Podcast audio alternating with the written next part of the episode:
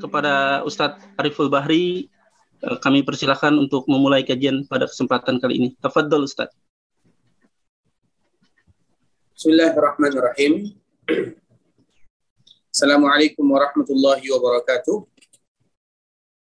الحمد لله رب العالمين والصلاة والسلام على أشرف الأنبياء والمرسلين وعلى آله وأصحابه ومن تبعهم بإحسان إلى يوم الدين أما بعد الحمد لله kita senantiasa bersyukur kepada Allah Subhanahu wa taala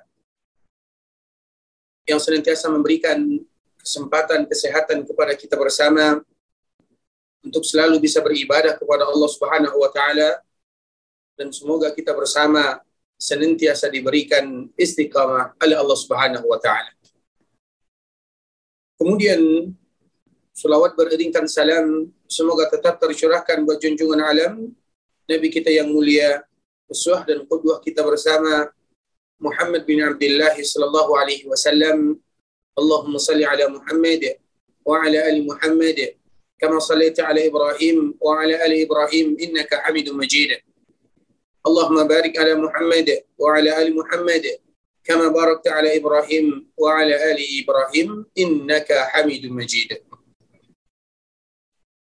إخوة الإسلام saudara kaum muslimin kaum muslimat ikhwani akhawati a'azani Allah wa iyyakum sebelumnya kita mengucapkan jazakumullahu khairan katsiran Semoga Allah Subhanahu wa taala senantiasa memberikan limpahan kasih sayang kepada kita bersama dan kami mengucapkan semoga Allah Subhanahu wa taala memberikan balasan atas apa yang telah kita lakukan terkhusus kepada sahabat ilmu Darmais. Semoga Allah Subhanahu wa taala senantiasa menjaga kita bersama. Allah Subhanahu wa taala meridai apa yang kita lakukan dan Allah Subhanahu wa taala menjadikan apa yang kita lakukan adalah sesuatu yang bernilai pahala di sisi Allah Subhanahu wa taala dan semoga Allah hadiahkan surga kepada kita bersama. Ikhwatul Islam, saudara kaum muslimin, kaum muslimat, ikhwani akhwati rahimani wa rahimakumullah. Pada kesempatan yang berbahagia ini, kita akan kembali melanjutkan pembahasan kita tentang akidah At-Tahawiyah, yaitu sebuah akidah yang menggambarkan bagaimana akidahnya Imam Abu Hanifah rahimahullahu taala dan juga imamnya akidah kedua orang muridnya yang menyebarkan mazhab Hanafi yaitu Muhammad bin Hasan Asy-Syaibani dan yang kedua adalah Abu Yusuf Al-Qadi rahimahumullahu taala jami'an. Sekarang pembahasan kita tentunya masalah akidah tidak akan jauh daripada pembahasan yang selalu dibahas oleh para ulama. Karena akidah itu adalah bagian daripada asas dan akidah itu adalah sesuatu yang apabila ada kaum muslimin mereka sudah mulai menyimpang mereka sudah mulai membicarakan hal-hal yang tidak pernah dibicarakan oleh wahyu, maka di sana para ulama mereka baru menjelaskan dan akidah itu adalah sesuatu yang berkaitan dengan fitrah manusia. Apabila fitrah tersebut sudah mulai menyimpang dari jalurnya, maka di sanalah kita akan jumpai para ulama mereka akan berdiri untuk kembali menjelaskan akidah tersebut. Dan di antara salah satu yang berkaitan dengan akidah, sesuatu yang berkaitan dengan tauhid, yang banyak di antara kaum muslimin yang sudah sudah mulai keluar dari jalur yang sebenarnya berkaitan dengan firman Allah Subhanahu wa taala atau yang kita kenal dengan kalamullah terutama yang berkaitan dengan Al-Qur'an. Mengapa kita membahas dan kenapa para ulama mereka mengkhususkan dengan Al-Qur'an? Apa masalahnya? Apakah banyak di sana mereka-mereka yang keluar dari jalur Ahlus Sunnah wal Jamaah Apakah banyak di antara mereka yang sudah mulai mengucapkan kata-kata yang tidak pernah diucapkan oleh ulama-ulama sebelumnya? Iya. Kita lihat sekarang, bahkan sampai sekarang, masih banyak di antara kaum muslimin, mereka belum tahu sebenarnya apa sejatinya Al-Quran tersebut, bagaimana dengan keadaan Al-Quran tersebut, dan di antara salah satu yang menyebabkan demikian adalah salahnya di dalam memahami sifat-sifat Allah Subhanahu wa taala. Karena Al-Quran, dikala kita berbicara tentang Al-Quran, maka kita berbicara tentang kalam Allah. Yaitu dikala mana Allah Subhanahu wa taala berbicara. Sebahagian kaum muslimin, mereka mengatakan Allah Subhanahu wa taala tidak memiliki sifat. Dan di antara salah satu sifat yang dimiliki oleh Allah adalah kalam. Sebahagian yang lain menyebutkan Allah Subhanahu wa taala punya sifat kalam. Namun kalam Allah Subhanahu wa taala tanpa huruf dan tanpa suara. Begitulah sebahagian kaum muslimin menganggap sehingga dari anggapan tersebut memiliki cabang-cabang yang cabang tersebut menjadi semakin salah karena salahnya asasnya atau salah pondasinya di dalam memahami sifat-sifat Allah Subhanahu wa taala terutama tentang ucapan Allah Subhanahu wa taala yang disebut dengan Al-Qur'an. Dan kita tahu ikhwatul Islam, di antara salah satu sifat makhluk hidup adalah berbicara. Di antara salah satu sifat makhluk hidup, bahkan itu merupakan di antara salah satu yang apabila tidak berbicara, maka itu tidak dianggap sebagai sesuatu yang yang mulia. Makanya dikala terjadi penyelewengan, penyimpangan di zaman Nabi Musa alaihissalam, dikala Allah Subhanahu wa taala memanggil Nabi Musa menuju sebuah bukit yang bernama Bukit Tursina, 40 hari lamanya. Kemudian dikala Nabi Musa kembali kepada kaumnya, maka Nabi Musa dibuat marah oleh kaumnya. Hampir-hampir saja dia marah kepada saudaranya yang bernama Harun. Dipegang jenggot Harun tersebut. Di dalam ayat disebutkan bagaimana Nabi Musa memegang jenggot saudaranya. Kemudian dia memberikan ancaman kepada saudaranya, "Wahai kamu, kenapa kamu tidak jaga kaumku?" Seolah-olah itu yang disebutkan oleh Harun. Kemudian Nabi Harun mengatakan, "Wahai saudaraku, bukan aku yang salah. Aku sudah memberikan nasihat kepada mereka.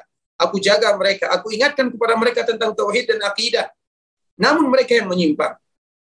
Kemudian apa yang mereka lakukan? Ternyata mereka sudah menjadikan anak lembu sebagai Tuhannya. Apa kata Nabi Musa kepada kaumnya? Wahai kalian, mana akal kalian, mana otak kalian? Kenapa kalian menjadikan sesuatu yang tidak berbicara sebagai suatu Tuhan? Apa maknanya? Berarti Nabi Musa alaihissalam dan juga akidah-akidah para para para para nabi dan para rasul sebelumnya bahwa mereka tahu di antara sifat seorang Allah di antara sifat Allah Subhanahu wa taala adalah al-kalam. Allah Subhanahu wa taala berbicara. Dan kita tahu betapa banyak para nabi yang mereka berbicara dengan Allah Subhanahu wa taala. Bukankah Nabi Adam berbicara dengan Allah Subhanahu wa taala?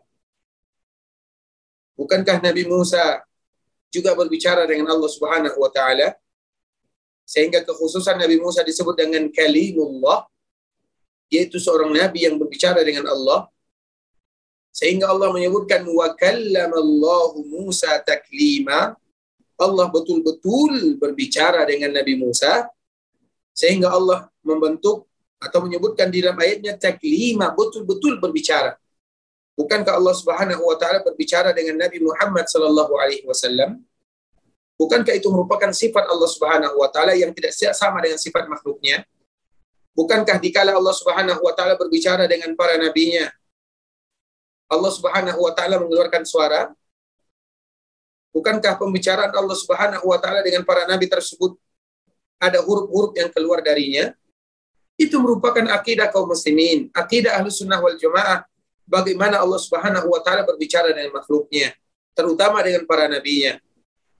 Sebagaimana juga kita tahu bahwa setiap yang berbicara tidak mesti ada mulutnya, tidak mesti ada rongganya, tidak mesti ada lisannya, Misalnya kita contohkan, Nabi Shallallahu Alaihi Wasallam pernah di Mekah Al Mukarramah ada sebuah batu yang senantiasa mengucapkan salam kepada Nabi. Sehingga Nabi Shallallahu Alaihi Wasallam pernah menyebutkan ada suatu batu yang dulunya senantiasa mengucapkan salam kepadaku kata Nabi. Kita tahu batu. Namun batu tersebut mengucapkan salam, Assalamu alayka ya Nabi Allah, ya Rasulullah.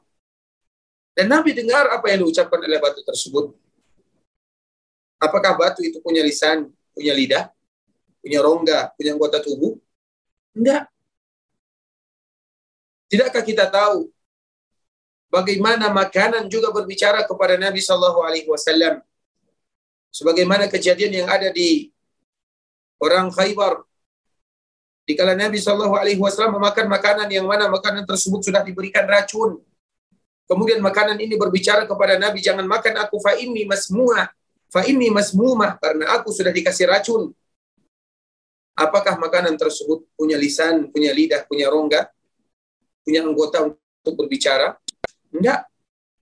Tidakkah kita tahu bagaimana pohon-pohon juga berbicara kepada Nabi Shallallahu Alaihi Wasallam?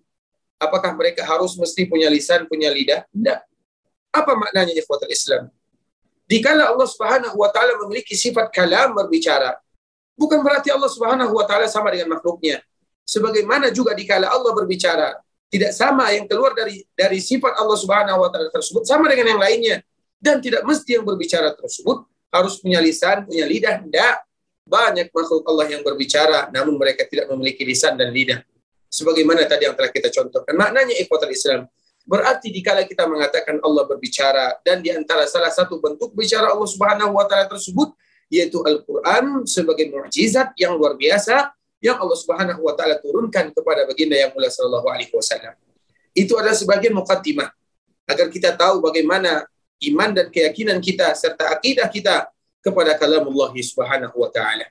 Sekarang kita akan bacakan apa yang dibacakan oleh Imam At-Tahawi dan ini juga lah yang diyakini oleh seluruh para imam ahlu sunnah wal jamaah terutama imam mazhab Imam At-Tahawi menyebutkan wa anna al-Qur'ana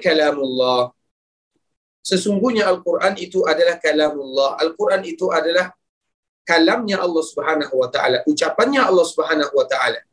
Allah yang berbicara melalui kemudian Allah berbicara, kemudian pembicaraan Allah disampaikan oleh malaikat Jibril dengan dengan dengan pas dengan hurufnya tanpa ada kekurangan dan tanpa ada penambahan.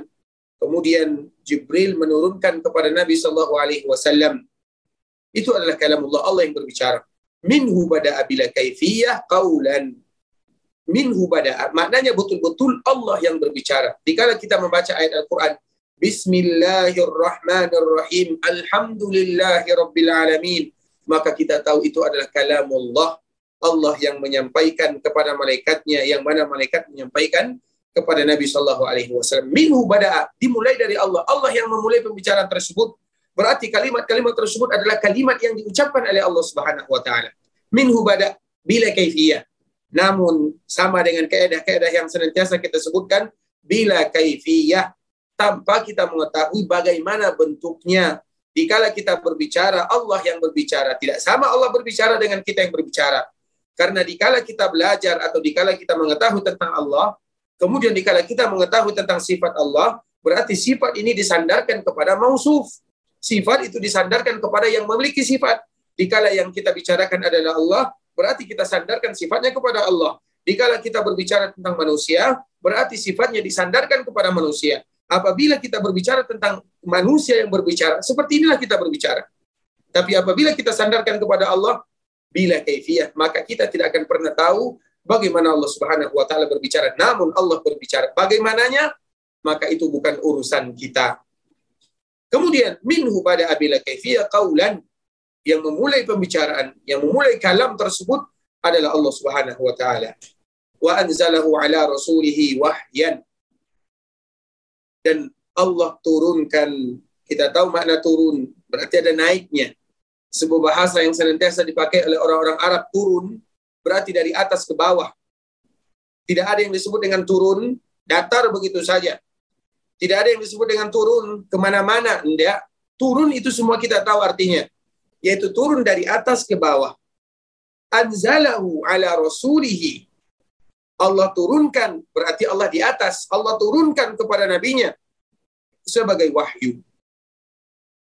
Wahyu itu adalah Allah Subhanahu wa taala menyampaikan kepada Nabi sallallahu alaihi wasallam mu'minuna ala dzalika haqqan dan mereka-mereka yang mukmin akan percaya dengan sepenuh-penuhnya atau dengan sebenar-benarnya bahwa Al-Quran itu adalah mukjizat kepada baginda sebagai wahyu dari Allah Subhanahu wa taala kepada Nabi sallallahu alaihi wasallam. Wa aiqanu annahu kalamullah taala bil haqiqah. Dan juga sifat seorang mukmin, mereka yakin bahwa kalamullah itu adalah kalamnya Allah Subhanahu wa taala dengan benar. Hakikatnya betul-betul kalamullah Allah yang berbicara dan Allah Subhanahu wa taala turunkan kalam tersebut kepada malaikat, kemudian malaikat turunkan kalam tersebut kepada Nabi sallallahu alaihi wasallam sehingga kita tahu Al-Qur'an pada dahulu kalanya tidaklah dicatat, namun mereka semuanya menghafal.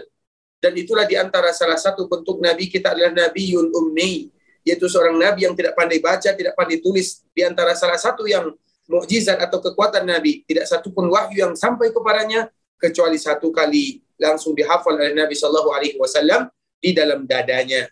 Dan yang dihafal oleh Nabi tersebut adalah ayat-ayat Al-Quran. Sebagaimana juga Nabi melarang para sahabatnya untuk mencatat hadis-hadis yang keluar dari lisannya supaya tidak bercampur antara kalamullah dengan kalam Rasulullah Shallallahu Alaihi Wasallam yang mana itu merupakan betul-betul seorang mukmin. Mereka yakin bahwa yang diturunkan kepada Nabi tersebut adalah kalamullah. Laisa bimakhluqin yang mana kalam Allah tersebut bukanlah makhluk makanya selalu kita sebutkan ikhwatul Islam Al-Quran adalah kalamullah Al-Quran bukanlah makhluk sebagaimana yang selalu kita jelaskan bahwa Al-Quran adalah kalamullah dan Al-Quran bukanlah makhluk. Apa maknanya Al-Quran bukanlah makhluk? Al-Quran itu berasal dari Allah dan kembali kepada Allah Subhanahu wa taala. Karena Al-Quran itu adalah sesuatu yang sempurna. Konsekuensi mereka yang menyebutkan Al-Quran itu adalah makhluk, yaitu Al-Quran bisa dirubah-rubah. Sebagaimana makhluk bisa berubah. Konsekuensi daripada mengucapkan Al-Quran adalah makhluk, berarti kalamullah tidak sempurna sebagaimana makhluk tidak sempurna konsekuensi daripada mengatakan bahwa Al-Quran adalah makhluk, bahwa makhluk tersebut bisa ditambah-tambah, berarti kalamullah bisa ditambah-tambah. Sebagaimana konsekuensinya, makhluk bisa bertambah, bisa dikurangi. Konsekuensi daripada mengucapkan Al-Quran adalah makhluk, berarti makhluk ada kekurangannya, berarti Al-Quran juga ada kekurangannya. Itulah konsekuensinya. Kenapa kita tidak boleh mengatakan demikian? Kenapa setiap ada pembicaraan daripada para ulama, Al-Quran makhluk tidak boleh diucapkan yang demikian. Karena ada konsekuensi yang berbahaya di sana. Tidak boleh bagi kita untuk mengucapkan yang demikian. Sehingga senantiasa para ulama dan salah satunya adalah Imam At-Tahawi, Laisa bimakhlukin. Al-Quran itu bukan makhluk. Kekalamin bariyah. Sebagaimana ucapannya manusia-manusia yang lainnya. Faman sami'ahu fazama'a faza'a faza'ama faman sami'ahu faza'ama annahu kalamul bashari faqad kafar. Kemudian apa kata Imam At-Tahawi? Barang siapa yang mendengarkannya, kemudian mereka mengira bahwa Al-Quran itu adalah kalamnya manusia, faqad kafar. Maka dia sudah ingkar kepada Allah Subhanahu wa taala. Barang siapa yang mengatakan Al-Quran itu adalah makhluk atau Al-Quran itu adalah ucapan manusia, ucapan Nabi Shallallahu Alaihi Wasallam, fakat kafar. Maka mereka sudah ingkar kepada hal-hal yang sebenarnya. Wa qad Allah wa abahu wa aw'adahu bis saqar. Dan barang siapa yang melakukan demikian Allah mencela mereka Allah menghardi mereka dan Allah berikan ancaman mereka dengan sakar sakar itu adalah bagian daripada neraka yang diberikan ancaman kepada mereka yang tidak percaya dengannya. Haitsu qala ta'ala sebagaimana Allah Subhanahu wa taala menyebutkan sauslihi sakar aku akan campakkan mereka ke dalam neraka sakar mengapa Allah Subhanahu wa taala menyebutkan yang demikian karena mereka-mereka yang tidak percaya bahwa Al-Qur'an adalah kalamullah mereka yang mengatakan Al-Quran itu adalah kalamnya Nabi Muhammad sallallahu alaihi wasallam. Falamma aw'ada Allahu. Ketika Allah Subhanahu wa taala memberikan ancaman dengan neraka sakar bagi mereka yang mengatakan in hada illa qaulul bashar. Ayat ini ikhwatul Islam adalah ayat yang berbicara tentang orang tuanya Khalid ibn Walid. Ada salah seorang sahabat Nabi Shallallahu Alaihi Wasallam yang bernama Khalid. Kita tahu Khalid Saifullah wa Saifu Rasulihi Shallallahu Alaihi Wasallam. Pedangnya Allah dan pedang Rasulnya. Khalid, seorang sahabat Nabi Shallallahu Alaihi Wasallam, seorang kesatria, seorang pahlawan kaum muslimin, seorang yang mereka betul-betul berjasa di dalam Islam dan untuk kaum muslimin. Namun ayahnya berbeda. Ayahnya bernama Al-Walid. Al-Walid ini dia meninggal dalam keadaan tidak beriman kepada Allah dan juga tidak beriman kepada Rasulnya. Dikala Allah Subhanahu wa taala menurunkan wahyu kepada Rasulullah sallallahu alaihi wasallam, kemudian Nabi Shallallahu Alaihi Wasallam membacakan ayat-ayat yang tadi Allah turunkan kepadanya, maka dia mengucapkan ini adalah ucapan Muhammad. Padahal dia tahu itu bukan ucapan Rasulullah Shallallahu Alaihi Wasallam. Rasulullah Shallallahu Alaihi Wasallam tidak pernah mengucapkan kata-kata demikian, namun Rasul sebagai penyampai karena Allah Subhanahu Wa Taala yang menyampaikan atau Allah yang menurunkan wahyu kepada Rasulullah Shallallahu Alaihi Wasallam yaitu Al-Quran dan itulah hikmahnya mengapa Nabi tidak pandai baca dan tidak pandai tulis. Kalau seandainya Nabi pandai baca dan Nabi pandai tulis, maka orang-orang musyrikun akan mengatakan itu buatan Nabi Shallallahu Alaihi Wasallam. Namun karena Nabi tidak pandai baca, tidak pandai tulis, maka tidak ada alasan bagi mereka untuk tidak menerima wahyu dari Allah Subhanahu Wa Taala. atau Al-Quran tersebut. Namun karena kesombongan mereka menyebutkan in hada illa qaulul bashar. Ucapan-ucapan tersebut hanyalah sekedar ucapan manusia saja, yaitu ucapan Muhammad bin Abdullah sallallahu alaihi wasallam. Mereka mengatakan apa yang diturunkan oleh Allah kepada nabinya itu bukan dari Allah Subhanahu wa taala karena di antara anggapan mereka Allah tidak berbicara. Sehingga mereka mengingkari firman Allah Subhanahu wa taala yang diturunkan kepada baginda yang mulia sallallahu alaihi wasallam. Makanya mereka menyebutkan terkhusus Al-Walid, "In hada illa qaulul bashar." Ini adalah ucapan manusia, ini adalah ucapan Muhammad. Kemudian dikala dia mengatakan yang demikian, Allah berikan ancaman kepadanya, "Sa'uslihi saqar." Wa ma adraka ma saqar. Aku akan campakkan mereka ke dalam sakar. Tahukah kalian bagaimana dahsyatnya neraka sakar? Kemudian Allah Subhanahu wa taala ceritakan di ayat yang berikutnya bagaimana ancaman bagi mereka yang tidak percaya bahwa Allah berbicara dan Allah menurunkan wahyu kepada baginda yang mulia sallallahu alaihi wasallam. Kemudian Imam At-Tahawi memberikan kesimpulan alimna wa aiqanna. Kita pun sadar dan kita pun tahu serta kita yakin annahu qawlu khaliqul bashar bahwa sesungguhnya Al-Qur'an itu adalah ucapan sang khalik yang menciptakan manusia wala yushbihu qaulal bashar. Walaupun ucapan Allah Subhanahu wa taala tersebut tidak akan pernah sama dengan ucapan manusia sehingga yang kita ucapkan, yang kita baca siang dan malam Al-Quran itu adalah kalamullah. Yang mana di sana memiliki mukjizat yang luar biasa. Yang disebutkan oleh para ulama setiap ayat, setiap huruf di dalamnya. Setiap kita mempelajari ayat-ayat yang terkandung di dalamnya maka kita akan mendapatkan bagaimana mukjizat yang luar biasa yang ada di dalamnya. Tinggal bagaimana jangan kita haramkan diri kita bersama untuk mengambil faedah barokah dari ayat-ayat Allah Subhanahu wa taala taala karena Al-Qur'an adalah obat bagi segala penyakit, obat bagi gundah gelana, obat bagi mereka yang mendapatkan kegalauan, obat bagi mereka yang tertimpa musibah, obat bagi mereka yang terkena penyakit, obat bagi mereka yang ter, ter, terlilit hutang, obat-obat semuanya. Obat jasmani, obat rohani. Dan cukuplah ikhwatul Islam kesimpulan pada kesempatan yang berbahagia ini, cukuplah menjadi mukjizat yang luar biasa dari Allah Subhanahu wa taala kepada Al-Qur'an tersebut bahwa setiap manusia yang mempelajari Al-Quran, yang membacanya, yang menghafalnya, tidak ada di antara mereka yang mengatakan saya sudah bisa menguasai tentang ilmu Al-Quran. Tidak ada di antara mereka yang bisa mengatakan yang demikian. Karena semakin kita membaca Al-Quran, semakin kita tahu ternyata kita tidak memiliki apa-apa. Semakin kita membaca Al-Quran, semakin kita sadar ternyata ilmu di dalamnya sangat luar biasa. Semakin kita membaca Al-Quran, ternyata dunia dan akhirat ada di dalamnya. Semakin kita membaca Al-Quran, semakin diberikan oleh Allah Subhanahu wa taala kemudahan dan keindahan dalam kehidupan. Semakin kita membaca Al-Quran, maka semakin tergantung hati kita kepada Al-Quran tersebut dan di antara salah satu yang disebutkan oleh para ulama bahwa Al-Quran tersebut apabila seseorang terbiasa membacanya, menghafalnya, maka mereka tidak akan pernah bisa menguasainya. Dan di antara bentuk mereka tidak pernah bisa menguasainya kalau seandainya ada di antara mereka yang belajar Al-Quran, kemudian mereka tidak belajar, Al-Quran itu akan mulai lupa. Kalau ada di antara mereka yang menghafal Al-Quran, kemudian mereka tidak ulang-ulang, maka Al-Quran itu akan lupa. Kenapa demikian? Karena Al-Quran tidak mau kecuali agar kita selalu membacanya, mempelajarinya, sampai kita berjumpa dengan Allah Subhanahu wa Ta'ala membawa Al-Quran tersebut, karena Al-Quran pada akhir kehidupan akan diambil oleh Allah Subhanahu wa taala, tidak akan ada yang tersisa di permukaan dunia. Dan Al-Qur'an tersebut akan kembali kepada sang penciptanya yaitu Rabbul Izzati wal Jalala. Ikhwatul Islam saudara kaum muslimin, kaum muslimat ikhwani akhwati rahimani wa rahimakumullah. Inilah sedikit pemaparan tentang keyakinan apalagi yang berkaitan dengan Al-Qur'an.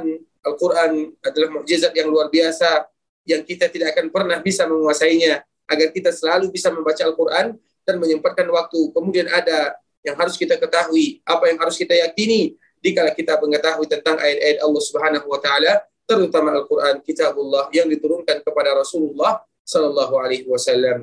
Ikhwatul Islam saudara kaum muslimin, sampai di sini pemaparan yang bisa kami jelaskan tentang Al-Qur'an. Semoga Allah memberikan manfaat. Barakallahu fikum wa jazakumullahu khairan.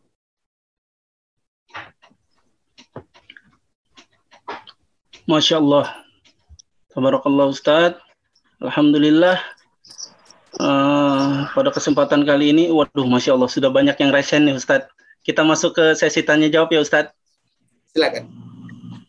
Taib. Kami persilakan kepada Abu Zaki, tafadhol. Silakan.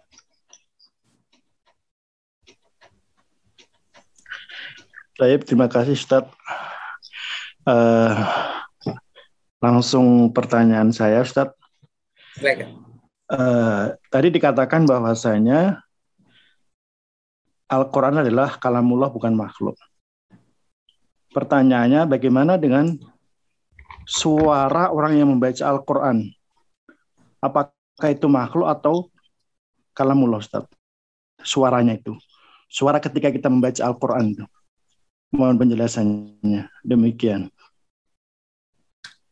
Barakallahu fikum ikhwatul Islam saudara kaum muslimin kaum muslimat ikhwani akhwati rahimani wa rahimakumullah terkhusus kepada Bapak Muzaki semoga Allah Subhanahu wa taala menjaganya dan juga menjaga kita bersama. Tentunya pertanyaan seperti ini adalah pertanyaan yang juga dulu ditanyakan kepada para ulama terutama Imam Ahmad rahimahullah taala karena asal muasal daripada pembahasan Al-Qur'an itu yang paling dahsyat terjadi pada tahun atau di awal-awal abad ketiga Hijriah. Pembahasan ini, pembahasan tentang Al-Quran ini semakin menjadi-jadi terutama di awal-awal abad ketiga Hijriah. Yang mana Imam Abu Hanifah mereka tidak menjumpainya. Imam Malik juga tidak mendapatkannya. Imam Syafi'i juga tidak terlalu mendapatkan masalah tersebut di akhir kehidupannya karena Imam meninggal pada tahun Imam Syafi'i meninggal pada tahun 204 Hijriah. Dan yang mendapatkan fitnah tersebut adalah Imam Ahmad rahimahullahu taala karena negara pada saat itu mereka betul-betul menjadikan standar bahwa Al-Quran wajib semua manusia mengatakan Al-Quran kalamullah. Barang siapa yang tidak mengatakan demikian, maka mereka akan dihukum, akan dipenjara, akan disiksa, dan yang lain sebagainya. Sehingga Imam Ahmad, dia pernah ditanya, sebenarnya pertanyaan seperti ini adalah pertanyaan yang ma'ruf. Bahwa sesungguhnya kita yang berbicara, dan semua yang keluar dari lisan kita, seperti kita sedang berbicara, kita adalah makhluk. Dan setiap sifat kita adalah makhluk. Kalam kita adalah makhluk. Suara kita ini adalah makhluk. Namun yang kita suarakan adalah kalam Allah. Itu semuanya adalah pertanyaan yang ma'ruf. Adalah pertanyaan yang kita ketahui bersama. Namun kenapa kita tidak boleh? Ini sebelumnya kami mohon maaf. Kenapa kita tidak boleh menanyakan hal-hal seperti ini? Karena dari sinilah mulai untuk memunculkan keraguan-keraguan kepada sebagian manusia, terutama nanti dikala dipelajari seperti ini, seperti itu. Dan pertanyaan seperti ini juga pernah dulu ditanyakan dan kami menyebutkan jawabannya hanya secara singkat saja. Karena dari pertanyaan-pertanyaan seperti inilah, apakah uh, kita yang mengucapkan membaca Al-Quran tersebut adalah uh, makhluk, kemudian bagaimana dengan Al-Quran yang ada di Dubaina Dafatain, yang disalin di dalam kertas yang ada di dalam ini. Semuanya kita tahu ikhwatal Islam. Namun kita berbicara tentang kalamullah, untuk mengagungkan Allah Subhanahu wa taala, untuk mengagungkan firman Allah Subhanahu wa taala. Karena serba-serbi. Kalau seandainya salah kita menjawabnya, terutama sebagaimana tadi kita memisahkan, kita menjelaskan, maka akan bisa juga berakibat fatal oleh sebagian sebagian kaum muslimin. Namun kalau seandainya kita ingin tahu sebagaimana yang dijelaskan oleh Imam Ahmad dikala dia merad al-jahmiyah karena ucapan-ucapan yang mengucapkan Al-Quran adalah kalamullah bishir al-mirrisi begitu juga sebagian orang-orang jahmiyah karena dialah yang membawa keyakinan Al-Quran adalah makhluk. Uh, namun tentunya yang kita berbicara ini kita adalah makhluk dan semua sifat kita adalah makhluk Allah Subhanahu wa taala. Barakallahu fikum wa jazakumullahu khairan. Fikum barakallahu Ustaz. Taib, lanjut. Selanjutnya silakan yang ingin bertanya langsung kepada Bapak Faizul Ahmad Lubis. Tafadhol. Silakan Bapak.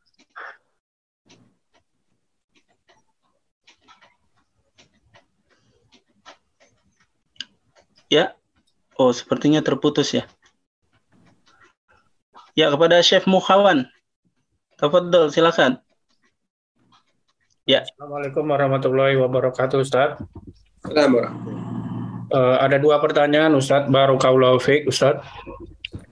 Uh, apakah zaman saat ini ketika tadi disampaikan banyak sekali orang uh, di awal-awal, terutama di saat zaman Imam Ahmad ya, apakah seperti kaum Jahmiyah dan juga yang lainnya seperti saat ini masih ada yang mengatakan Al-Quran itu ada makhluk dari sisi baik dari sisi apa dari sisi sifatnya dan sebagainya. Yang kedua eh, bagaimana eh, apa namanya kaidah yang mengatakan misalnya dan ini merupakan mungkin penjagaan Allah dari Allah Subhanahu wa taala eh, eh, terhadap Al-Qur'annya ketika misalnya qul huwallahu ahad. Katakanlah wahai Muhammad dan seterusnya gitu seperti itu. Bagaimana dengan penjelasan seperti ini Ustaz? Barokallahu fiik Ustaz. Untuk pertanyaan yang kedua, kami mungkin kurang paham, mungkin bisa lagi disampaikan Barakallahu fikum. Jadi misalnya kalau ada ayat Al-Quran mengatakan Qul huwallahu ahad, uh, itu selalu diterjemahkan katakanlah wahai Muhammad gitu. Jadi tidak langsung uh, Allah yang mengatakan, tapi uh, dari sisi penerjemahan apakah memang seperti ini dalam rangka untuk menjaga keabsahan Al-Qur'an gitu. Katakanlah wahai Muhammad, itu atas wahyu dari Allah Subhanahu wa taala. Apakah benar seperti itu kaidahnya Ustaz? Barakallahu fikum. Semoga Allah Subhanahu wa taala menjaga kita bersama. Untuk pertanyaan yang pertama, apakah masih banyak sekarang orang yang menyebutkan Al-Qur'an itu adalah kalam Al-Qur'an itu adalah makhluk? Sangat banyak sekali. Sehingga dengan banyaknya mereka itulah yang berani mengoreksi Al-Quran. Bahkan ada di antara mereka yang mengatakan setiap ada kul itu tidak boleh lagi diucapkan oleh Al-Quran. Sebagaimana tadi yang telah ditanyakan, kenapa harus ada kulnya? Walaupun itu merupakan cerita sejarah yang banyak di antara mereka yang tidak percaya kepada Al-Quran adalah kalamullah, namun itu adalah makhluk Allah Subhanahu wa taala namun faktanya sampai sekarang kalau seandainya kita perhatikan ikhwatal Islam, masih banyak di antara mereka yang mengatakan Al-Quran itu adalah makhluk dan kita tidak tahu apa penyebabnya. Walaupun kadang-kadang dengan bahasa yang berbelit-belit, sulit sekali bagi mereka untuk mengucapkan Al-Quran adalah kalam Allah. Bahkan dibedakan bagaimana dengan ini, bagaimana dengan itu. Oh maksud kami seperti ini, oh maksud kami seperti itu. Selesai bagi kita sebagaimana yang Allah sebutkan. Allah menyebutkan Al-Quran kalamnya. Allah sendiri yang menyebutkan. Allah subhanahu wa ta'ala sebutkan di dalam surah At-Taubah. Wa in ahadun minal musyrikin istajaruka fa'amin hatta yasma' kalam Allah. Hatta yasma' kalam Allah. Hatta yasma' kalam Allah. Sampai mereka mendengarkan kalam Allah. Allah subhanahu wa ta'ala menyebutkan kalam. Makanya kenapa kita tidak boleh mengatakan makhluk? Makhluk itu Makhluk itu tempat salah. Makhluk itu tidak sempurna. Makhluk itu ada aibnya. Makhluk itu bisa berubah-ubah. Dan itulah tujuan daripada mereka mengatakan Al-Quran makhluk agar mereka bisa untuk merubahnya. Makanya zaman dahulu sudah banyak orang yang ingin merubah Al-Quran. Sebagaimana juga zaman sekarang sudah mulai banyak orang merubah Al-Quran. Baik itu maknanya. Makna itu adalah tulisannya itu sendiri. Ataupun maknanya. Terlepas daripada itu semua, itu adalah cabang daripada pemikiran Al-Quran adalah makhluk. Oleh karenanya para ulama mereka tidak akan pernah berhenti menjelaskan yang demikian karena semakin hari bukan semakin rendah namun semakin banyak orang yang menganggap yang demikian dan semoga Allah Subhanahu wa taala berikan kepada kita kemudahan dan keselamatan agar kita tetap senantiasa mengucapkan sebagaimana yang diucapkan oleh Allah dan juga sebagaimana yang diucapkan oleh Rasulnya. Kemudian untuk pertanyaan yang kedua, masalah kul, kul huwallahu ahad, kul ya ayuhal kafirun. Katakan, wahai Muhammad. Wahai Muhammad itu artinya adalah isim dhamir yang ada di dalamnya. Kalau secara terjemahan, kul, karena di dalam bahasa Arab, kul katakan, itu ada isim dhamirnya, yang di dalamnya adalah anta. Anta itu siapa? Anta itu adalah untuk Nabi kita Muhammad sallallahu alaihi wasallam. Dan tentunya Allah Subhanahu wa taala bisa jadi mengatakan Allahu Ahad, Allahu Samad. Mudah bagi Allah langsung mengucapkan yang demikian. Ya ayyuhal kafirun. Mudah bagi Allah Subhanahu wa taala.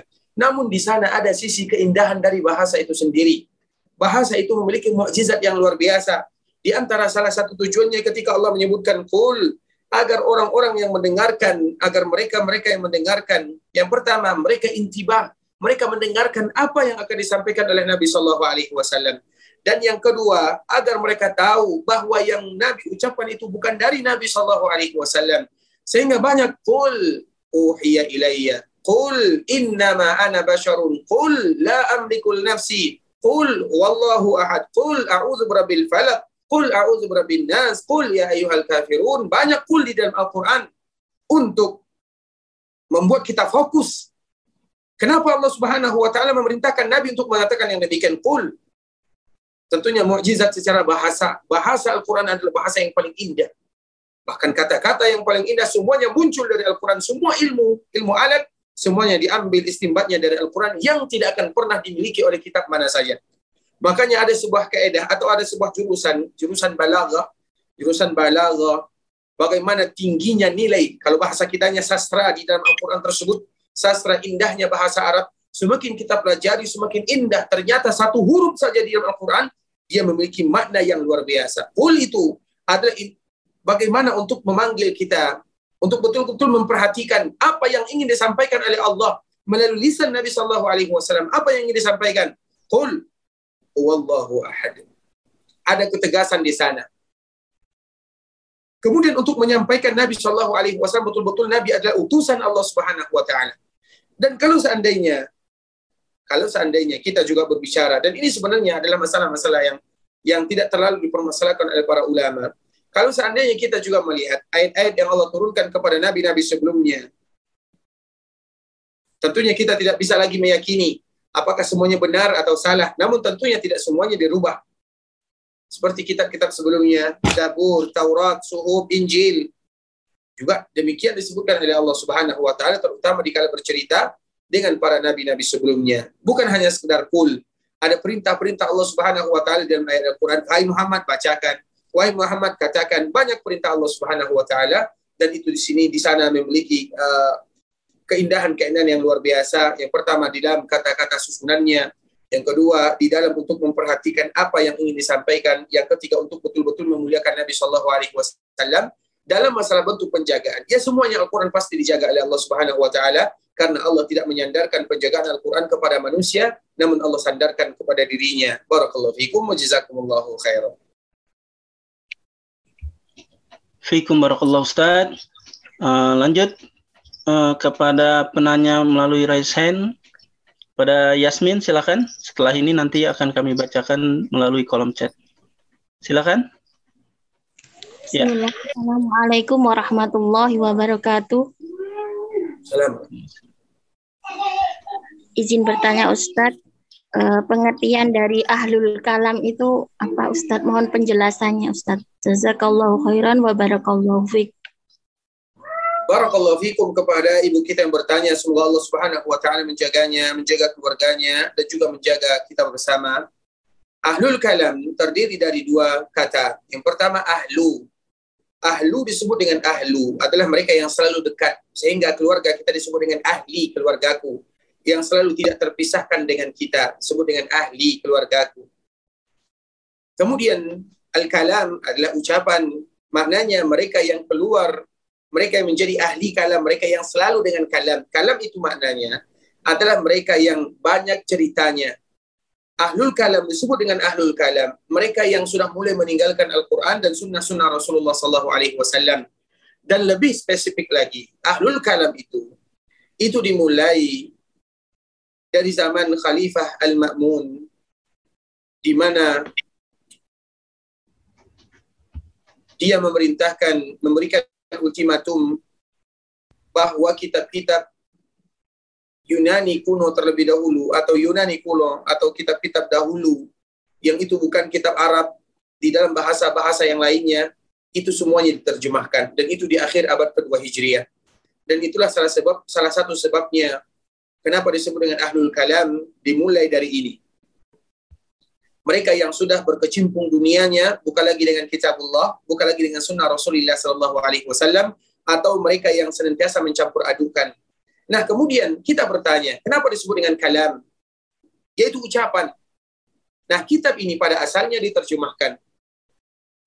Dan imam atau khalifah pada saat itu mengatakan, barang siapa yang berterjemahkan maka kertas yang dijadikan penterjemah tersebut, berapa berat kertasnya, yang berhasil dia terjemahkan, seperti itu pula lah dia akan memberikan gaji atau memberikan timbangan emas. Misalnya dia bisa menerjemahkan bahasa-bahasa dahulu, bahasa-bahasa Yunani ke dalam bahasa Arab, berapa yang bisa dia terjemahkan? Misalnya dia bisa menerjemahkan 100 halaman, 1000 halaman yang beratnya 1 kilo, maka akan diberikan kepadanya emas 1 kilo. Hadiah yang menggiurkan. Dengan hadiah yang menggiurkan, maka orang pun berlomba-lomba untuk menerjemahkan. Mereka lupa kepada kalamullah dan kepada sunnah Rasulullah Sallallahu Alaihi Wasallam karena di sana ada hadiah yang menggiurkan yaitu hadiah emas yang dijanjikan. Nah pertanyaan yang berikutnya, apa sih yang ada di dalam masalah Yunani kuno sehingga kita kenal dengan kalam atau filsafat atau yang yang yang sebelumnya? Kita tahu orang-orang terdahulu adalah zaman mereka itu adalah zaman-zaman tidak ada nabi dan tidak ada wahyu di sana. Namun fitrah mereka senantiasa berbicara. Karena kita tahu akidah tentang Allah itu adalah fitrah manusia. Yang semakin kita buang semakin datang. Dan setiap manusia, ada nabi, tidak ada nabi, pasti akan ada fitrahnya di sana. Yang tidak akan pernah terpisahkan dari jiwa dan raga manusia.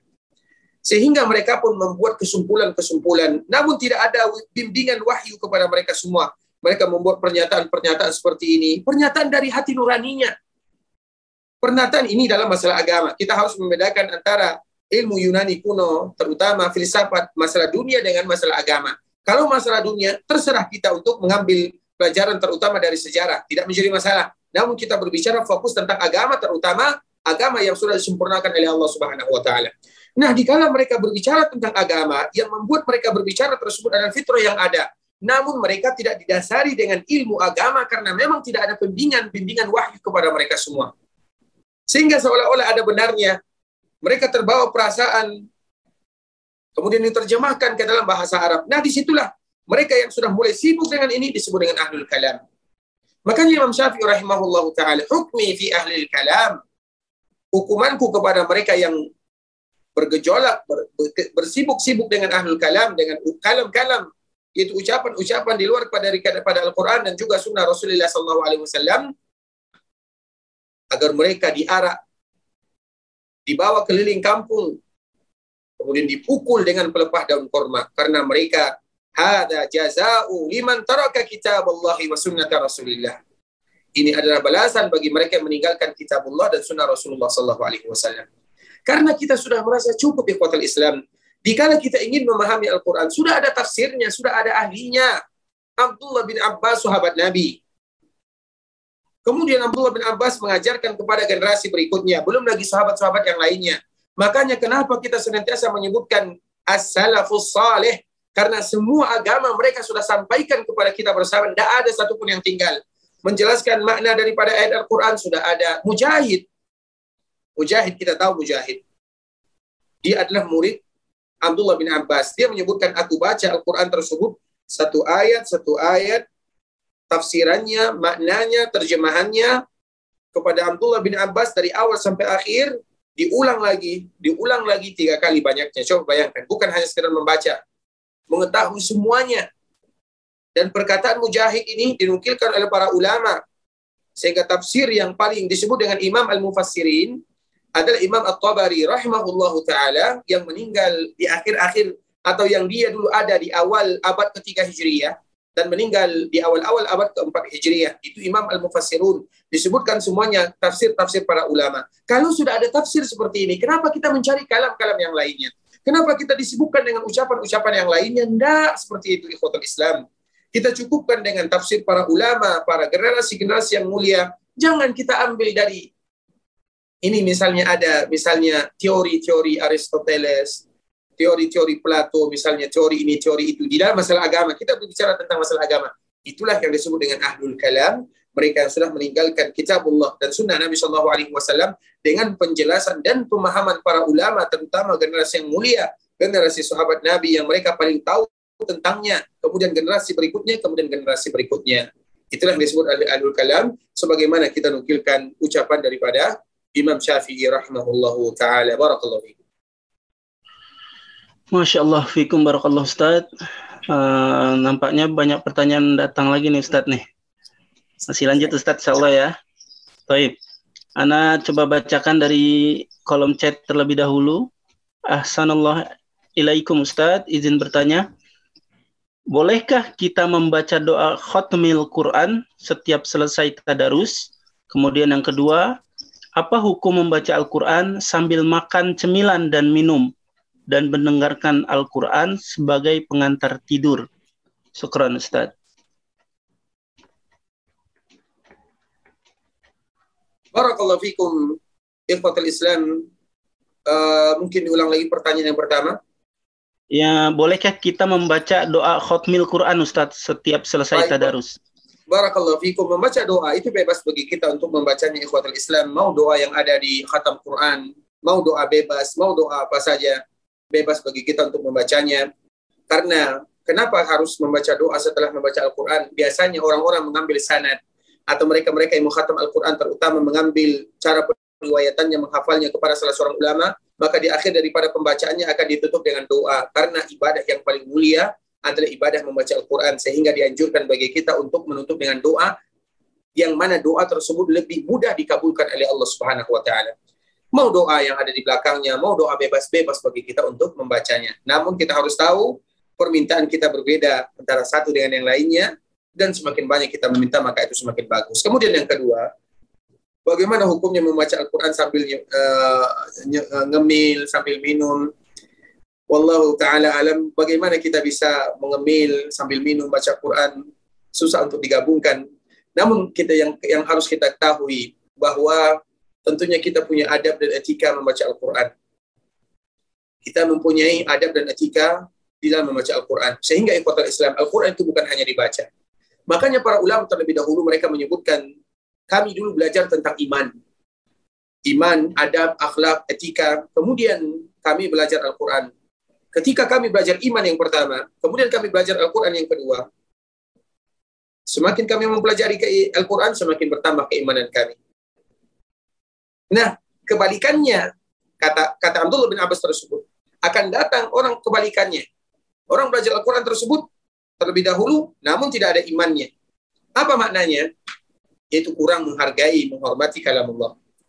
Sering kita jumpai ada orang merajaah. Dia merajaah Quran sambil merokok. Dilanjutkan merajaahnya. Merokok lagi, dilanjutkan merajaahnya. Tentunya itu tidak sesuai dengan tujuan Al-Quran itu dibacakan. Al-Quran itu ada peringatan, ada kabar duka, ada kabar bahagia.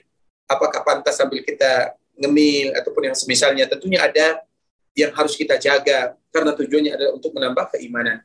Sedangkan untuk uh, misalnya murattal kalau bahasa kitanya kurang bagus uh, rasanya kita menyebutkan pengantar tidur. Kalau seandainya kita mendengarkan bagus tidak menjadi masalah. Namun bahasa pengantar tidur mungkin kita rubah. Kalau kita dengarkan, kita putarkan tidak menjadi masalah. Namun jangan disebutkan sebagai pengantar tidur karena Al-Qur'an itu harus kita hormati dan harus kita hargai. Barakallahu fikum. Fikum barakallahu Ustaz. Baik, uh, kami lanjutkan kepada yang raise hand terlebih dahulu kepada Um Diah. Silakan, Fadal. Assalamualaikum ya. Ustaz. Assalamualaikum. Afan Ustadz, anak izin bertanya. Ustadz, eh, satu bulan yang lalu itu kan anak sempat kehilangan anak-anak ya Ustadz yang nomor tiga di usianya yang satu tahun Ustadz. Nah, itu kan uh, ikhtiar yang sudah Ana lakukan. Salah satunya adalah merukiahnya. Terus yang kedua itu membawanya ke dokter Ustadz. Tapi kalau anak-anak itu meninggal Ustadz. Nah sekarang orang tua Ana dan keluarga-keluarga dari Ana maupun suami menyalahkan anak Ustadz. Seandainya waktu itu Ana nurut untuk pergi pergi ke orang seperti kiai lah Pak Ustadz gitu ataupun ke orang-orang yang ngerti uh, untuk diberikan jimat mungkin pada waktu itu anak-anak masih bisa diselamatkan Ustadz. Nah sekarang Alhamdulillah Ustadz sesuai dengan janji Allah Allah sudah mengganti Ustadz yang lebih baik jadi anak hamil lagi Ustadz di usia satu bulan sesuai dengan usia anak-anak yang meninggal itu Ustadz. Nah masalahnya Ustadz orang tua dan keluarga suami juga inginnya di anak yang ini anak menuruti kata orang tua Ustadz memakaikan gelang ataupun jimat-jimat seperti itu Ustadz yang e, minta di kiai ataupun di orang-orang yang ngerti gitu Ustadz. Nah masalahnya itu Ustadz anak kan setahu anak kalau jimat itu kan tidak boleh ya Ustadz ya. Tetapi ada salah satu keluarga anak itu yang mengatakan jimat itu boleh untuk anak bayi karena anak bayi belum bisa mendoakan dirinya sendiri Ustadz. Seperti itu. Nah apakah anak salah Ustadz sebagai orang tua jika anak memutuskan bahwa lebih baik anak-anak meninggal tapi anak menggunakan ikhtiar seperti ke dokter dan merukia sendiri daripada anak harus mencari jimat-jimat seperti itu Ustadz. Atau anak harus menuruti apa kata orang tua maupun saudara dari suami Ustadz. Itu aja yang dapat anak tanyakan Ustadz. Syukran Ustadz. Jazakumullah khairan. Assalamualaikum warahmatullahi wabarakatuh Waalaikumsalam warahmatullahi wabarakatuh. Barakallahu fikum kepada ibu yang bertanya. Semoga Allah Subhanahu wa taala memberikan kepadanya keturunan yang saleh dan salehah yang akan bisa membawanya ke surga nanti kelaknya dan semoga Allah Subhanahu wa taala senantiasa memberikan penjagaan. Allah Subhanahu wa taala memberikan keberkahan dan kemudahan dalam setiap urusan. Tentunya ini ikhwatul Islam. Kita tahu permasalahan seperti ini, kita semuanya sudah tahu kadang-kadang terutama masalah anak itu bukanlah masalah yang mudah kita hadapi. Mungkin kita sudah tahu, tapi kadang-kadang keluarga kita, keluarga suami, keluarga kita sendiri, kita tidak tahu rintangan-rintangan yang akan kita hadapi. Terutama masalah anak. Sebelum kita menjawab pertanyaan ini, ada kisah yang sangat indah yang mana disebutkan oleh Allah Subhanahu wa taala kisah tersebut di dalam Al-Qur'an dan ditafsirkan oleh para ulama terlepas daripada kisah tersebut yaitu cerita tentang anak Nabi Adam alaihissalam. Adam alaihissalam istrinya hamil. Kemudian datanglah syaitan yang mengganggunya, berikan namanya ini. Kalau tidak kamu berikan namanya itu, maka dia akan mati. Syaitan ini apakah cerita tentang dua orang tua atau anak Nabi Adam atau Nabi Adam atau orang lain selain Nabi Adam? Wallahu taala alam. Intinya ada orang tua. Kemudian dia tidak menamakan anaknya dengan apa yang dibuat oleh syaitan tersebut, meninggal anaknya. Kemudian datang lagi yang kedua. Datang lagi syaitan menggodanya. Kemudian mereka tidak mau menurutinya, meninggal lagi anaknya. Yang ketiga begitu juga. Namun mereka sudah terlalu rindu kepada anak. Akhirnya mereka berikan nama sebagaimana yang disebutkan oleh syaitan tersebut. Falamma atahuma saliha ja'ala lahu syuraka kata Allah Subhanahu wa taala. Kalau seandainya kita ingin melihat tafsir ayat tersebut, nanti bisa kita lihat di akhir-akhir surah Al-A'raf yaitu halaman yang kedua yang paling akhir setelah surah Al-A'raf tersebut. Nanti bisa kita kembali memurojaah untuk melihat tafsirnya, bagaimana yang disebutkan oleh para ulama, apa makna di dalamnya, dan bagaimana cara syaitan untuk menggoda anak Adam. Allah Subhanahu wa taala menyebutkan ja'ala lahu syuraka fi ma. Mereka menjadikan syuraka. Maknanya mereka tidak lagi mendengarkan Allah Subhanahu wa taala. Padahal Allah sudah tahu anak pertama akan meninggal, anak kedua akan meninggal. Syaitan juga tahu. Karena dulunya syaitan, jin, mereka mudah mendengarkan kabar-kabar langit. Kalau kamu tidak melakukan seperti itu, anak kamu akan mati. Nah, seperti itu juga masih ada sampai sekarang. Bikin anak kita itu jimat. Kalau tidak, akan mati. Kalau tidak, seperti ini. Kita tahu ikhwatul Islam. Hidup dan mati bukan di tangan manusia. Hidup dan mati adalah di tangan Allah Subhanahu wa taala. Dan itu keyakinan kita bersama sebelum kita menikah, sebelum kita lahir, sebelum kita ada, sebelum orang tua kita ada, sebelum Nabi Adam ada, sebelum dunia dan langit ini ada. Allah telah menentukan semuanya bi khamsina alfasana 50 ribu tahun lamanya sebelum Allah ciptakan langit dan dunia serta isinya takdirnya sudah ditentukan oleh Allah misalnya kita ada anak kemudian lahir qadarullah anak kita meninggal setelah kita berusaha dengan usaha yang diridhai oleh Allah salah itu bukan kita mereka yang menyalahkan seseorang berarti kurang keimanannya kepada qada dan qadar itu semua adalah karena Allah Subhanahu wa taala. Kita tetap berjalan di forosnya, di forosnya mana yang diridhai Allah, mana yang diridhai oleh nabinya. Kemudian sekarang Allah kembali, misalnya Allah uji kita dengan anak yang dipanggil oleh Allah, semoga dialah menjadi tiket bagi kita untuk menuju surga Allah Subhanahu wa taala. Kemudian alhamdulillah Allah kembali memberikan kepada kita hadiah, hamil kembali. Kemudian disuruh bawa jimat ini dan itu kepada orang pintar, kepada ini, kepada itu. Ketahuilah, jimat yang sebenarnya adalah Al-Quran itu sendiri. Jimat yang sebenarnya adalah doa dari Nabi. Tidakkah Nabi Shallallahu Alaihi Wasallam punya keturunan? Tidakkah Nabi memiliki Hasan dan Husain, anaknya Fatimah radhiyallahu taala anha? radhiyallahu taala anhum ajma'in Bagaimana cara Nabi Shallallahu Alaihi Wasallam? Nabi bacakan kepada mereka. Inilah jimat yang sebenarnya. Kalau kita ingin jimat, U'izuka bi kalimatillahi tammah min kulli syaitanin wahammah wa min kulli ainin lamah. Kemudian apa kata Nabi? Dikala merukyah kedua orang cucunya, kedua orang anaknya. Karena Nabi itu menganggap anaknya. Karena itu anak daripada anaknya. Inilah doa jimat tangkal yang juga dulu dibacakan oleh Nabi Ibrahim kepada Nabi Ismail dan kepada Nabi Ishak. Itu bimbingan Nabi, bimbingan wahyu dari ilahi. Kenapa kita harus membuat jimat sana ke sini? Kenapa kita harus cari orang pintar? Al-Quran sudah cukup bagi kita. Sunnah Nabi sudah cukup bagi kita. Itu yang harus kita lakukan. Dan di situlah butuh penanaman wahyu. Kalau kalau seandainya terjadi kepada anak kita, itu bukan karena orang pintarnya. Makanya fitnah yang luar biasa ikhwatal Islam ini fitnah. Contohnya, Misalnya kita selalu mencontohkan, misalnya ada orang yang berobat. Dia berobat ke dokter sana, berobat ke dokter sini, tidak sembuh-sembuh. Tahu-tahunya dia pergi ke dukun, langsung sembuh. Apakah menunjukkan itu adalah pertanda dukun itu benar? Tidak. Itu adalah fitnah dari Allah Subhanahu wa taala. Makanya kita berlindung darinya. Itu adalah bagian daripada ujian fitnah. Bukan berarti dikala berobat ke dukun, dukunnya benar. Tidak, mungkin kebetulan dia benar. Mungkin kebetulan dia Pas pula dia betul-betul Allah takdirkan dia sembuh di tangan dukun tersebut. Bukan berarti menunjukkan dukun itu adalah benar. Nah begitu juga. Misalnya dikala kita tidak berikan jimat, kemudian anak kita sakit, bukan karena jimatnya. Namun karena memang Allah sudah menakdirkan dirinya. Coba dibalik. Coba sekarang kita balik. Mindset kita itu jangan kadang-kadang kepada orang pintar kepada jimat. Coba dibalik. Kalau seandainya kita berikan rukyah dengan Al-Quran. Kalau seandainya kita rukyah dengan karena kita sekarang akidah keyakinan kita itu sudah mulai terbalik. Kalau tidak diberikan dengan jimat kepada orang pintar, kepada orang ini, kepada orang itu, maka akan terkena musibah. Seolah-olah musibah manfaat dan barokat kepada mereka. Seolah-olah mereka tahu tentang keberkahan anak kita. Seolah-olah yang menjaga kita itu adalah jimat ini. Tidak. Ketahuilah itu tidak boleh di dalam syariat Islam. Nah, siapa yang melarang Nabi Shallallahu Alaihi Wasallam melarang? Masalah seperti ini, akhwatul Islam adalah masalah yang berat.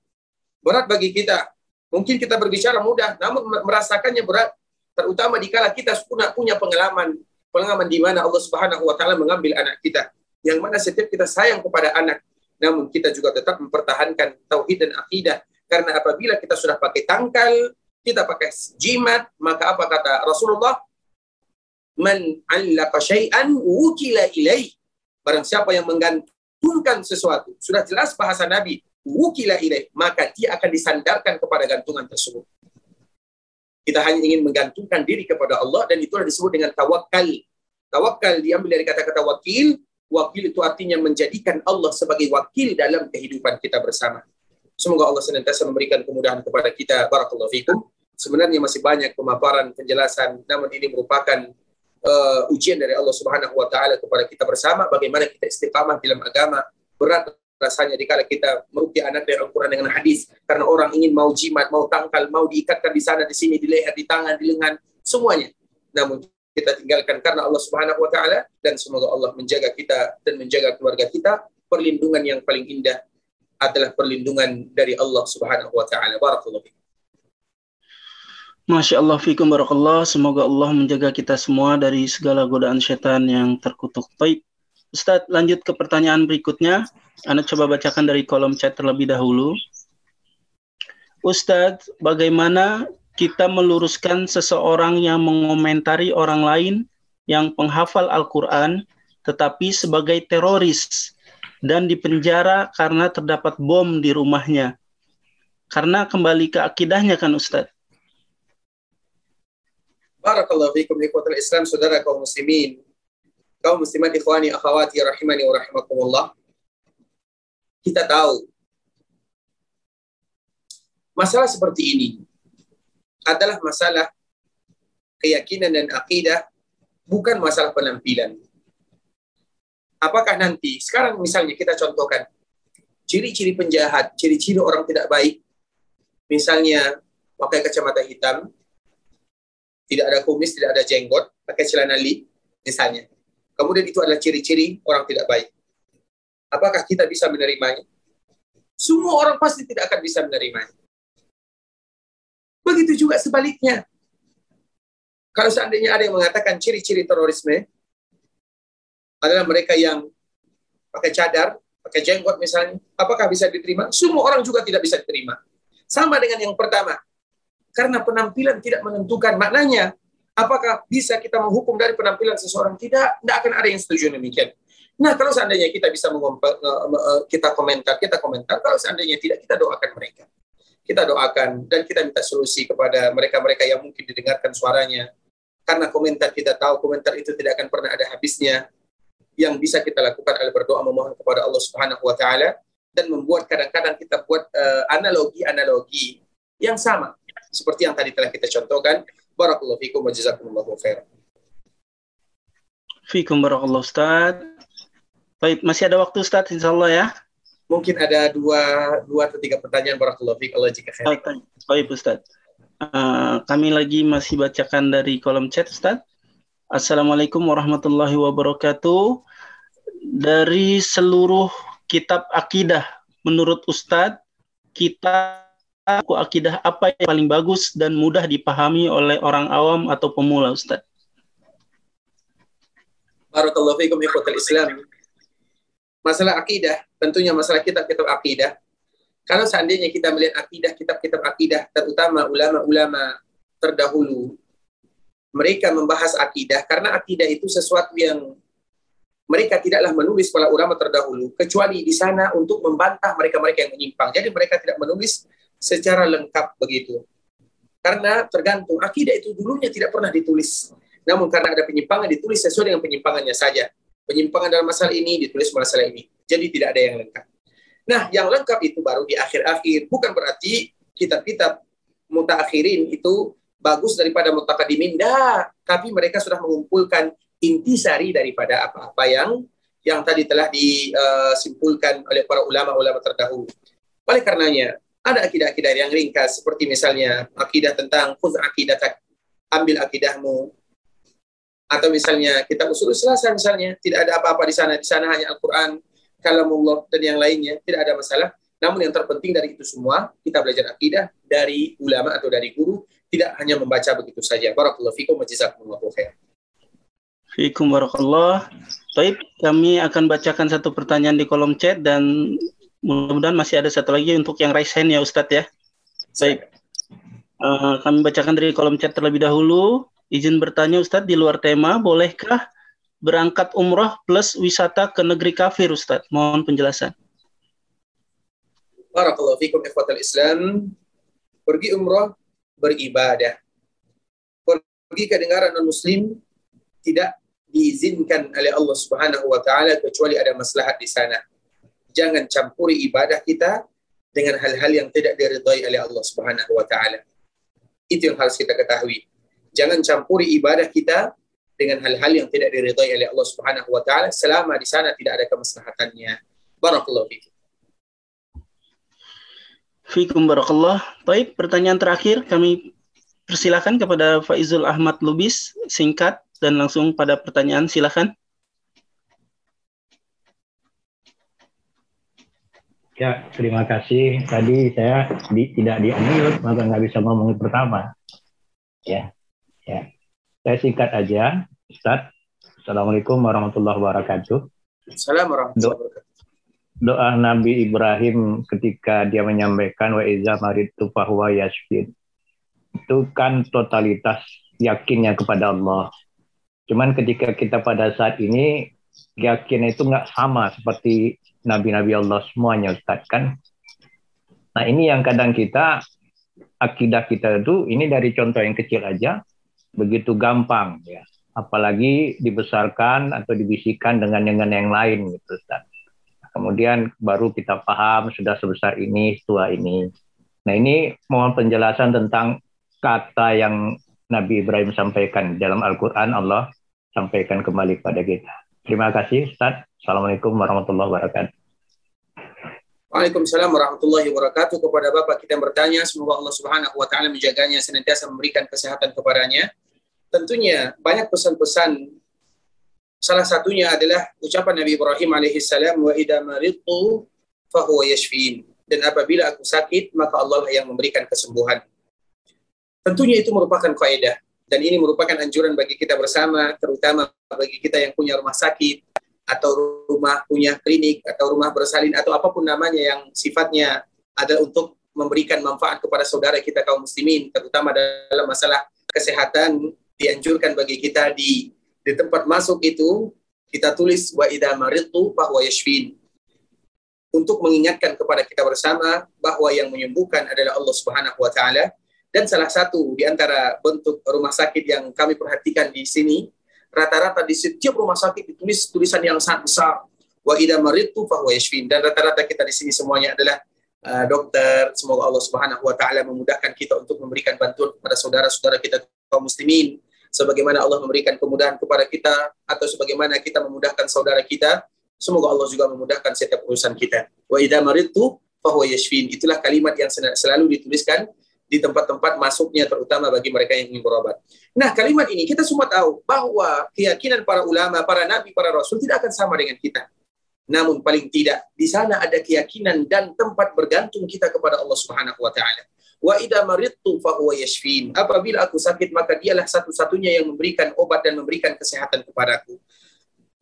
Maknanya apa ikhwatal Islam? Tentunya pemaparan di sini. Keyakinan kita berbeda. Iya. Namun di situlah kita harus menanamkan keyakinan-keyakinan kalau seandainya kita ingin melihat, betul-betul ingin melihat makna daripada wa idza maridtu fa yashfin, kami anjurkan kepada kita bersama untuk mendengarkan cerita seorang nabi yang indah yaitu Nabi Ayyub alaihi salam yang Allah sebutkan di dalam suratul Anbiya mulai dari ayat 80 atau 81 82 dalam dua atau tiga ayat saja Allah bercerita tentang nabi tersebut.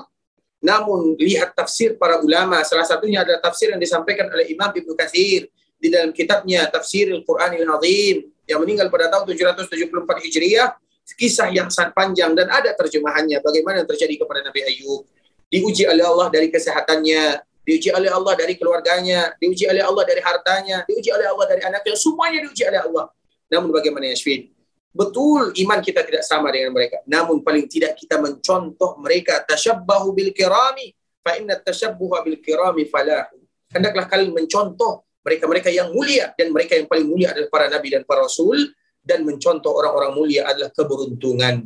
Dan kita juga tahu orang yang paling berat ujiannya adalah para nabi dan para rasul. Semuanya berat.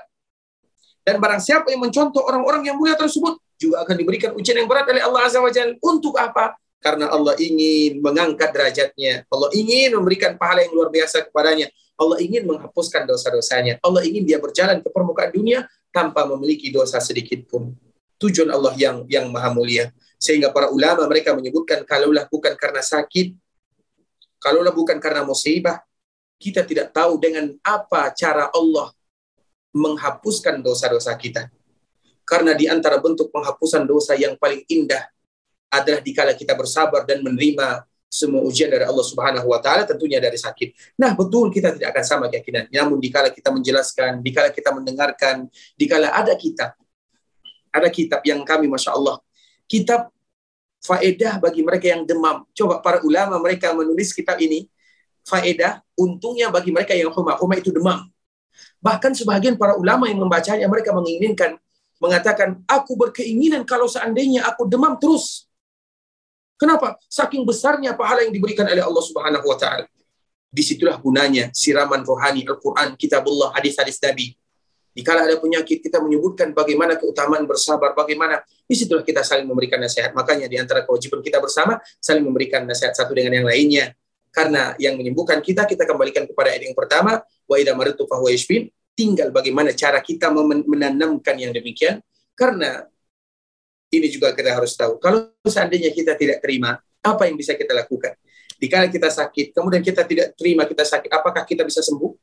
Kita tidak ada pilihan kita terima atau kita tidak terima, takdir tetap ditetapkan oleh Allah Azza Maka tidak ada pilihan bagi kita kecuali betul-betul menerima apa yang telah ditentukan oleh Allah Subhanahu wa taala untuk meringankan beban kita. Barakallahu fikum. Masya Allah, fikum barakallah. Ustaz, sebelum kita tutup uh, kajian kita pada malam hari ini, mohon Ustaz untuk memberikan kesimpulan sedikit Ustaz. Barakallahu fikum ikhwatal Islam, saudara kaum muslimin, kaum muslimat ikhwani akhwati rahimani wa rahimakumullah. Uh, tentunya kami mengucapkan jazakumullahu khairan terkhusus kepada sahabat ilmu Darmais, direksi profesor doktor terkhusus kepada moderator kita semoga Allah Subhanahu wa taala senantiasa menjaganya.